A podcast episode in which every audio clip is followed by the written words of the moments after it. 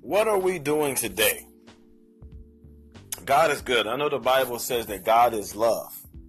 So if God is love, that means God is a loving God. And if God is love, that means His Word is actually love.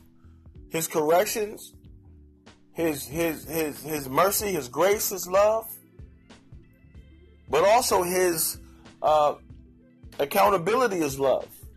His anger is love. His ignition is love.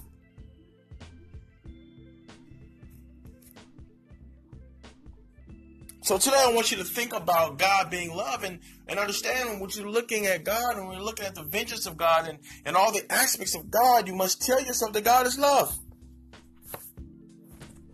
Amen. I mean, there's nothing, uh, I mean, if God is love, then what is that that we feel that's outside of God's word? Fear? Emotionalism? Huh? Last time I checked that there is no fear in God. Fear does not produce love. Because he says, I did not give you the spirit of fear, but of power, here we go, love and a sound mind.